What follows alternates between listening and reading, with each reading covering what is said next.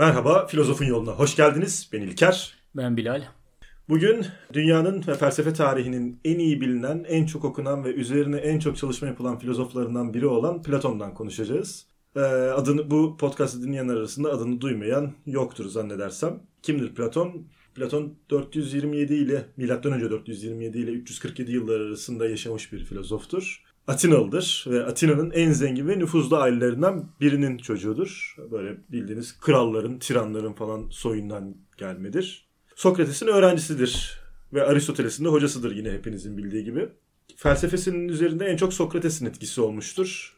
Ee, yazdığı eserlerde Sokrates'i ana karakter yapacak kadar Sokrates'in Platon'un felsefesinin üzerinde etkisi vardır. Ama e, bunun yanında Herakleitos, Parmenides ve Pitagoras'tan da etkilenmiştir. Hatta felsefeleri, felsefesi bunların bir füzyonu gibidir de diyebiliriz belli açılardan. En ünlü eseri devlette kendi felsefesini oluşturmuştur. Hatta bu anlamda kendi felsefesini oluşturan ilk filozof da diyebiliriz. Ahlak felsefesi, politika, epistemoloji, metafizik konularında çalışmalar yapmıştır, mülahazalarda bulunmuştur. Sokrates'in ölümünden sonra Atina'dan ayrılarak Megara'ya, İtalya'ya, Sicilya'ya ve Mısır'a gitmiştir. Daha sonra tekrar Atina'ya dönerek geleceğin krallarını ve filozoflarını yetiştirmek üzere akademiyi kurmuştur. Bu akademi bildiğiniz günümüzdeki akademinin de atası oluyor aynı zamanda. Diyelim ve sözü Bilal'e bırakalım. Evet. Sürpriz bu arada. Yani biraz geç girdim. Normalde intihar edecektik. Sonra filozofun yolunda olan bağlılığımız bizi hayata tuttu. Yani bir de diğer filozofların görüşlerine bakalım dedim. Gerçekten Ondan sonra intihar ederiz. Modern çağa gelelim sonra bir daha değerlendireceğiz intiharı. Bu programda Platon ve Platonculuktan bahsedeceğiz ve Platon felsefesine bir giriş yapacağız. İlker şöyle hayatı hakkında kısa bir giriş yaptıysa da ben biraz daha ayrıntılı bilgi vermek e, niyetindeyim. Platon'un hayatı Sokrates'le tanışınca değişmiştir. 20'li yaşlarında Platon'la değişiyor. O dönemin Atina'sının soylu ailelerinin e, çocukları gibi sanat, müzik, retorik, şiir ve beden eğitimi konularında eğitim aldığı sonucuna e, rahatlıkla ulaşabiliyoruz. Daha önceden de çeşitli şiir ve tragedya yazma çalışmaları da olmuş ama Sokrates'ten çalış, tanıştıktan sonra hayatında köklü bir değişikliğe gitmiş. Hatta öyle ki yazdığı şiir ve tragedi eserlerini bizatihi kendisi yakma e, eyleminde bile bulunmuştur. Yani yaktığını daha önce yazdığını bilmiyordum. Bunu şimdi senden öğrendim de ama bir şiir düşmanlığı sezmiştim açıkçası. daha önce okuduğum notlardan şiire karşı olan tavrını bayağı negatif bulmuştum. Şey, Kendisi de yazmış ama zamanında denemiş. Şiir onun için bir e, sanat genel olarak bir taklittir. Gerçeğin bir taklitlidir ve değerli değildir. E, Aristoteles'e de benzer bir şey görüyoruz yani sanat felsefesinde yine benzer bir yaklaşım görüyoruz yani hocasındaki gibi. Ama ben daha çok şeye dikkatimi çekti benim yakma eylemi. Protagoras'ın da pardon Demokritos'un da eserlerini yakmaya çalışmış onu durdurmuşlar. Yeter artık yaka yaka bitiremedin diyerek durdurmuşlar adamı. Gençliği aslında sorunlu bir dönemde geçiyor. Sparta ile yapılan 30 yıl süren Peloponnes savaşlarında gençliğini geçiriyor. Bu Peloponnes savaşlarında Atina nüfusunun üçte biri ölüyor. Politik olarak kötü yönetilen bir dönemde e, salgın hastalıkların, ekonomik zorlukların insanları zor durumda bıraktığı çevresel şartlarda bir de bunlara yetmezmiş gibi sofistler gibi anarşistlerin toplum ve ahlak düşmanı diyebileceğimiz yani e, Platon'un zaviyesinden baktığımız zaman insanların e, öğretilerinin artık popüler olduğu bir dönemde toplumsal bir anomalinin yaşandığı bir dönemde bir gençlik geçiriyor. E, o da bu ortamda gördüğü, tanık olduğu çarpıklıkları düzeltmek istiyor ve Sokrates'in ilginç kişiliğinden, onun ahlaki ve siyasi misyonundan etkilenecek ve kendi çözümünü üretme yoluna girişecektir. Ancak Platon yani bu çabasına, bu isteğine rağmen site, Atina sitesinin siyasal hayatında aktif bir rol oynama arzusunu asla gerçekleştirmeyecektir maalesef. Sokrates'in ölümünden sonra kendisi de can korkusuyla bir önceki programda bahsettiğimiz Megaralı Öklides'in yanına gidecek. Ondan sonra Kirene'ye ve Mısır'a seyahat edecek. Mısır'da matematik öğrendiğini, Mısır'da matematik öğrendiği rivayet edilecektir. Sonra da Sicilya'ya bir yolculuk yapmıştır. Burada e, Sırraküza sarayında Dionysos'un davetiyle İtalya'ya gidiyor Sicilya'ya. Aklındaki devlet, aklındaki ideal devleti gerçekleştirecek ve bu bu davetle beraber İtalya'ya gittiğinde kendince aklındaki ideal devleti gerçekleştirecekler Platon. Fakat bu mümkün olmuyor. Yani oranın yöneticileriyle falan da epey evet. sıkıntı yaşıyor galiba. Ev hapsine kadar gidiyor hatta. Evet. Dionysos'la sorunlar yaşıyor. Dionysos onlar artık öğüt almamaya karar veriyor. Sonra kaçıyor. Bir de ilk Dionysos'la ilişkisi de aslında Dionysos'un babası ile başlıyor aslında. Dionysos Dionysos 2. Dionysos'un ilişkisi de zaten birazcık zoraki ilişki aslında bildiğim kadarıyla Platon'la olan ilişkisi. Yani babasından miras aldığı bir ilişkiyi devam ettiriyor Platon'la. O da evet şeyde sonra... dayısı alıp götürüyor bunu. Yani adamın akrabası hep böyle krallar falan krallarla arkadaşlık ettiği için dayısı yanlış hatırlamıyorsam dayısı onu İtalya'ya götürüyordu davet ediyordu. Orada İtalya'da bir İtalya'da bir arkadaşım var oraya gidelim kral orada. orada krala e, öğütler vererek yani onun ideal devletindeki kral filozofu devletin başına geçirme amacıyla işte krala öğretecek felsefeyi. Onun ideal devleti orada e, mümkün olacak. Ama tabii bu plan gerçekleşmiyor. Dionysos onu e, ev hapsine tutuyor ve o da kaçıyor daha sonra burada e, Sicilya'dan. Kaçarken de e, bir gemi seyahati sırasında tatsızlığa bir tatsızlık yaşıyor. Bu tatsızlık da onun e, köle edilmesiyle, köle olarak satılmasına kadar gidiyor. E, şansına köle pazarında satıldığı sırada onu tanıyan birisi e, satın alıyor onu ve fidyesini ödeyerek e, özgür bırakıyor. Sonra Atina'ya geliyor Platon. Orada geleceğin filozoflarını ve krallarını yetiştirmek istiyor. E, İlker'in deyişiyle akademiyi kuruyor. Burada ilk Atina'daki ilk felsefe okulunda kadınların da dahil olduğu e, ilk yüksek öğrenim kurumudur. Bu okul herkese açıktı. Öğrencilerinden de ücret alınmıyordu. Zaten sofistlerle olan e, ana geçimsizlik kaynaklarından biri de bu ücret alınma hususuydu. Bunu da evet, sofistler, evet sofistler programında biraz daha ayrıntılı bir şekilde işlemiştik bunu. Bu okulun derslikleri vardı, müfredat programı vardı, düzenli eğitim veren öğretim kadrosu vardı ve bir kütüphanesi vardı. Okulun en ünlü öğrencisi de ta orada 17 yaşında girmiş ve 20 yıl boyunca orada kalan Aristoteles'tir. Aristoteles öğrenimini bitirdikten sonra da retorik öğretmeni olarak orada kalmaya devam ediyor. E, okulun kapısında geometri bilmeyen buraya girmesin yazıyor. yani burada da biraz ayıp ediyor Platon sanki. Yani Mısır'a gidip geometri öğrenmiş. Yani, Atina'ya dönüp geometri bilmeyen buraya. Şimdi bunun neden böyle olduğunu özellikle Platon'un idealar kuramını öğrenirken göreceğiz İlker. Zaten modern felsefede de biraz bunun gereklerini göreceğiz. Aslında oraya artistik yapmak için yazmamış da. Ya tabii canım or- orası ayrı. Yani modern hayatta da hatta insanlar daha iyi geometri, temel fizik bilgisi iyi olur. Yani özellikle Türkiye'de trafikte falan bu saçma sapan hatalar yapmaktan kurtulurlar böylece. bu okulda neler öğretiliyordu bakalım. Bu okulda geometri, matematik, aritmetik, astronomi, müzik, tarih, hukuk, retorik, ahlak ve siyaset felsefesi okutuluyordu. Dönemi için çığır açıcı bir eğitim kurumuydu. Akademiya. Platon derslerini notlara göre vermiyormuş rivayetlere göre şifai olarak yani ağızla anlatarak veriyordu.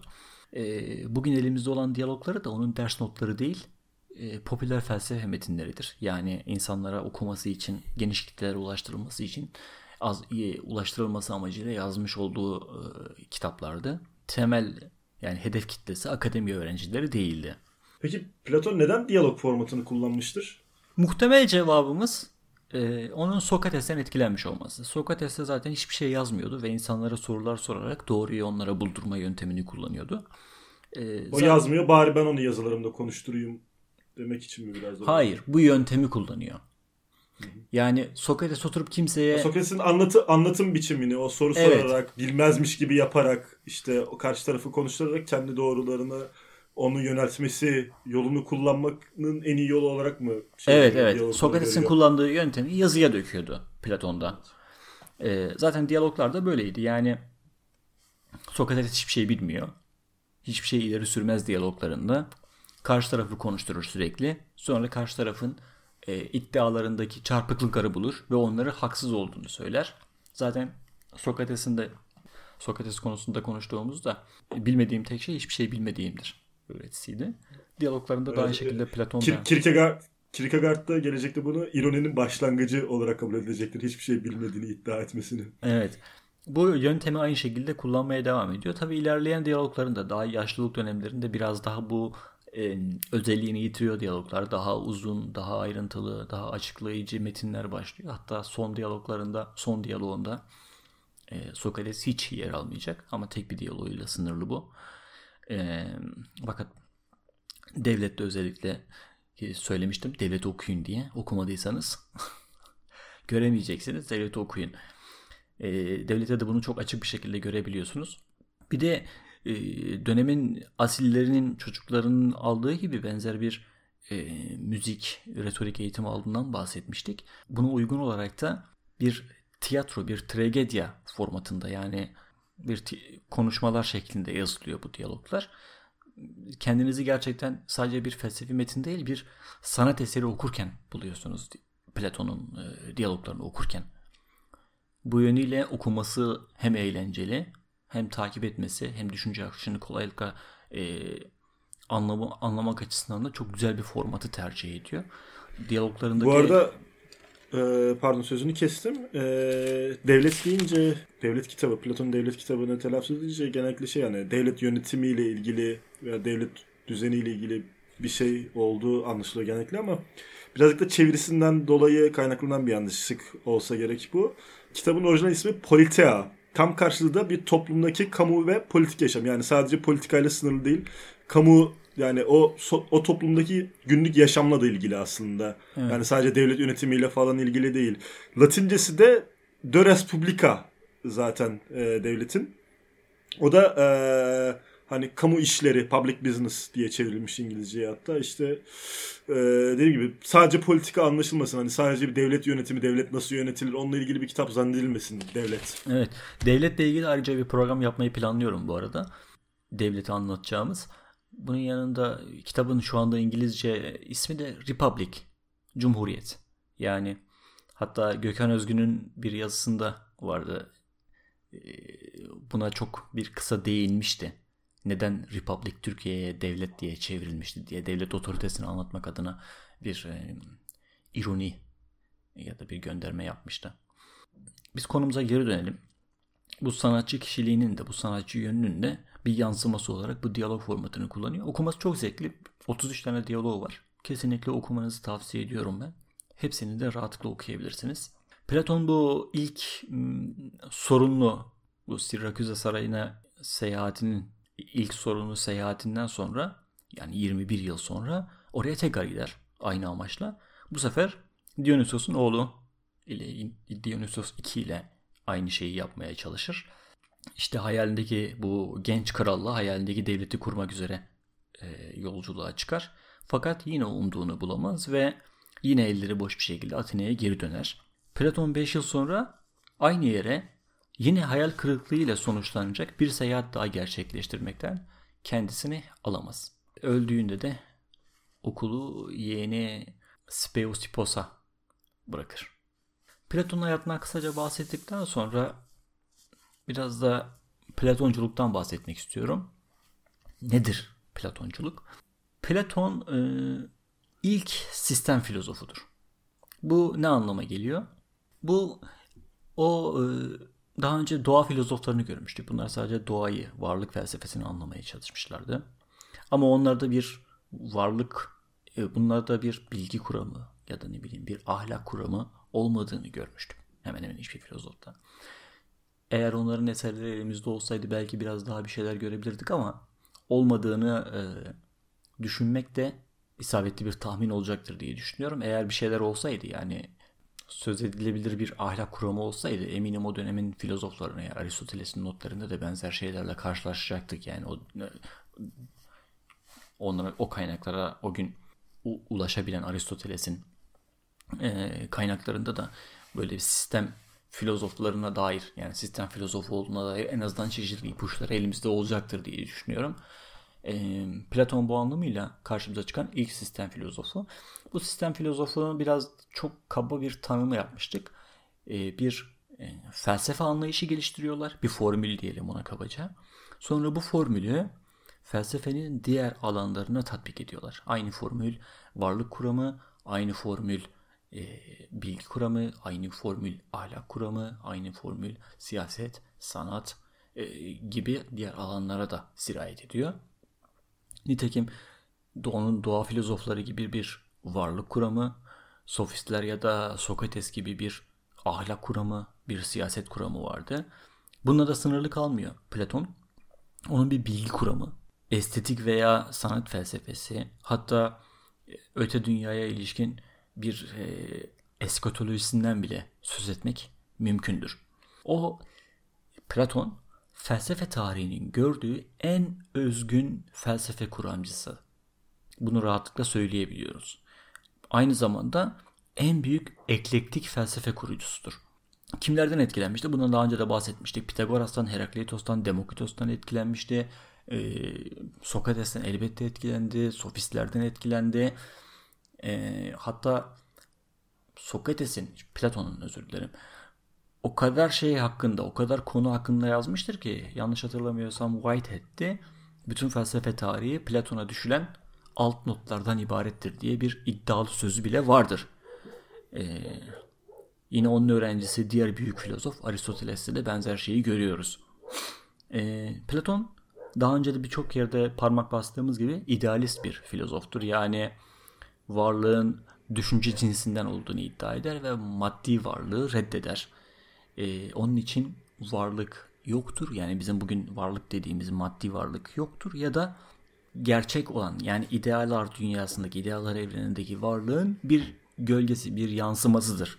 Haliyle e, bu gerçek varlık yani bizim bugün varlık dediğimiz şey, madde dediğimiz şey gerçek olmadığına göre duyularımızla algıladığımız verilerin de e, doğru olmadığı sonucuna varacağız ve rasyonalist yani akılcı yani bilgi kaynağının gerçek bilgi kaynağının akıldan yola çıktığını akıldan kaynaklandığını öne süren bir de epistemolojisi ile karşılaşacağız.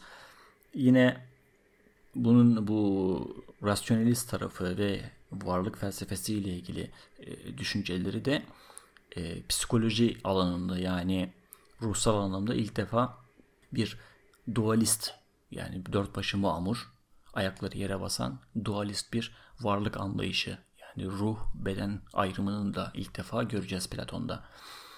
Bununla yetinmiyor. Aslında Platon'un yapmak istediği şey bunlar değildi. Yani esas hedefi bunlar değildi. Bunlar sadece esas hedefine ulaşması için kat etmesi gereken yollardı. Platon'u felsefe yapmaya iten ana etmen siyasete ilişkin kaygıları ve bizzat bu konuda kendisinin e, sarf ettiği sözlerdi. Hayatından bahsederken de onun e, politik anlamda buhranlı bir dönemde bir gençlik geçirdiğinden bahsetmiştik ve bu konuda bazı adımlar atmak istediğinden bahsetmiştik. Esas amacı onun siyaset felsefesi yapmaktır.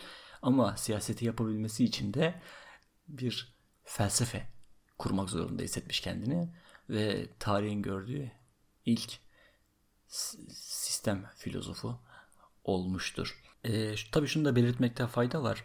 Klasik Yunan düşüncesinde ahlakla politika birbirinden tam olarak ayrılmaz.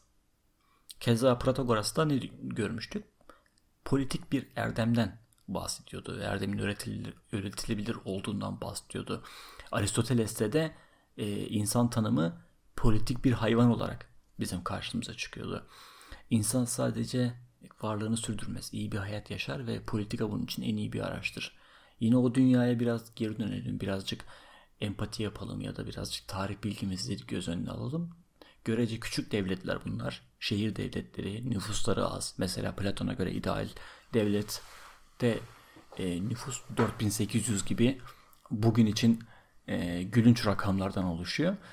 E, haliyle herkesin politikaya katıldığı, herkesin devlet mekanizmasında yer aldığı, mahkemesinden meclisine kadar söz sahibi olduğu bir e, politik veya sosyal hayattan bahsediyoruz. Haliyle politika aynı zamanda her şey anlamına geliyordu o dönem insanı için. Platon ve Platonculukla beraber başlayan bu gelenekle beraber onun kurduğu eğitim sistemi, okul ve kurduğu felsefeyle beraber artık şairlerin yerini bilim adamları almış. Filozoflar almış. Mitosların yerini logos yani akılla söylenen söz teoriya almış. Adalete, yasalara, ahlaki değerlere inanç ve e, saygı artık geleneksel dinsel zeminde değil, akılsal zeminde e, yaratmak ve oluşturmak ihtiyacı hasıl olmuştu.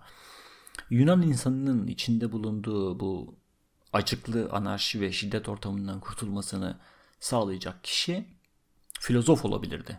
Platon, Platon e, otoriter bir yönetime inanıyor. Evet. E, hatta Karl Popper'a bakarsak totaliter bile diyebiliriz hatta. Evet. E, bu peki neye karşıydı? Hani top hani neden böyle bir şey söylüyor? Dönemin bunun e, yani toplum birliğinden de çok bahsediyor aynı zamanda devlet kitabında. Birlik olmayan bir toplum toplum değildir diyor hatta. E, bu yaşadığı dönemin koşullarıyla ilgili muhtemelen değil mi? Peloponnesus Savaşı'nda yeni çıkmış şimdi... olmak, bir dağılmakta olan dönem. Tabii tabii yani... yani bu şekilde yaparak beceremiyoruz. Tek yumruk altında birleştirmeliyiz sizi gibi bir görüş ağır basmış gibi mi geldi? Ya öyle biliyorsun. devlet kitabında devlet kitabında yönetim sistemlerini teker teker eleştiriyor. Mesela demokrasiden nefret ediyor. Yani demokrasi olabilecek en kötü yönetimlerden biridir. Demokrasi tiranlığa yol açar onun için. Ee, onda bir hiyerarşik bir devlet sistemi vardır. Şöyle bir argümanı var temel. Bunun devlet kitabını devletle ilgili bir program yaptığımızda ayrıca konuşacağız. Sen hasta olduğun zaman kime gidersin İlker? Doktora. Doktor. Peki e, araba kullanma bir araçla seyahat edeceksin. Uçakla seyahat edeceksin. Uçağın kimin kullanmasını istersin? Pilot. Pilot. Ya öyleyse devlet gibi son derece karmaşık, son derece bilgi isteyen bir kurumun, bir toplumun yönetilmesini nasıl sen sıradan halka verebilirsin?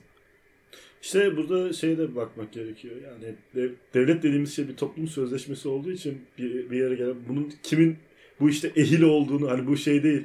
Hani bir yılda iki yılda öğrenebilecek teknik bir bilgi olmadığı için bu aynı zamanda Tabii, bu işte ama... kimin ehil bu işte kimin ehil olduğu konusunda sorusunun da tam bir cevabı olmadığından dolayı işte Platon e, Platon devlet kitabında bunu Platon'a göre tabii Platon'a göre bunun cevabı ha. açık. Ona göre filozoflar. Filozoftur ama yani şöyle 40 yıllık bir eğitimden bahsediyoruz.